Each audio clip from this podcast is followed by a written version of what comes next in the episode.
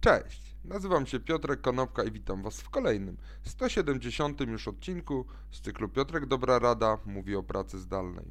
Dzisiaj powiem kilka słów na temat ubezpieczeń, które warto mieć w trakcie pracy zdalnej, gdy pracujecie tam skąd chcecie, a nie tam skąd musicie. Załóżmy taką sytuację idealną.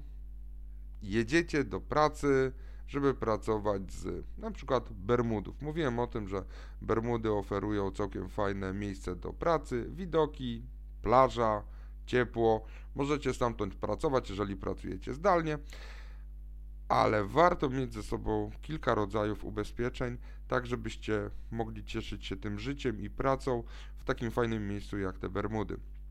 Przede wszystkim warto mieć ubezpieczenie podróżne. To ubezpieczenie podróżne pozwala pokryć y, na przykład koszty zgubionych bagaży, skradzionych bagaży. Czasami są to sytuacje bardzo awaryjne związane z wypadkami w trakcie podróży, e, czy też y, czasami jest zawarta tam również polisa OC w trakcie takiej nieobecności w rodzimym kraju.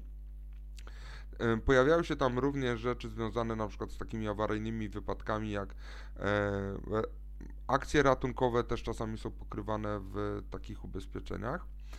Dodatkowym drugim ubezpieczeniem, e, które czasami jest zawarte w ubezpieczeniach podróżnych, ale to się ostatnio bardzo dynamicznie zmienia w związku z COVID-em, to są ubezpieczenia od anulowania wylotu i anulowania w ogóle lotu bo może się okazać, że wasza linia lotnicza albo wasze miejsce docelowe, do którego zmierzacie, w tym momencie wprowadza ograniczenia i nie możecie się tam dostać i teoretycznie lot by wam przepadł, ale niektórzy ubezpieczyciele pokrywają również koszty takiego anulowania wylotu. Jeżeli jesteśmy już na miejscu i potrzebujemy opieki medycznej, to wiadomo, że ta opieka medyczna, którą posiadamy w Polsce, może nie wystarczyć do E, tego, żeby być obsługiwanym na przykład przez Bermudy, to warto mieć e, wykupione międzynarodowe ubezpieczenie medyczne i tu powinniście porozmawiać ze swoim agentem ubezpieczeniowym na ten temat.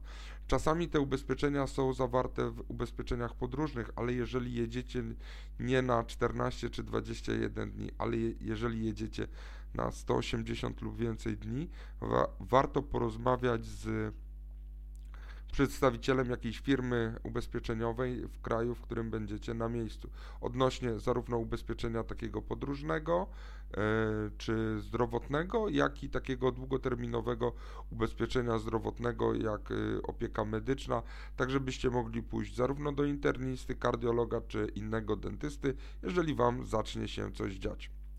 Warto również mieć ubezpieczenie e, od następstw nieszczęśliwych wypadków, bo wiadomo, wypadki chodzą po ludziach i czasami po prostu, jeżeli ten wypadek e, się nam przytrafia, to przestajemy mieć możliwość pracowania i zarabiania pieniędzy i warto wtedy mieć też takie ubezpieczenie od następstw nieszczęśliwych wypadków, jak i oczywiście ubezpieczenie na życie.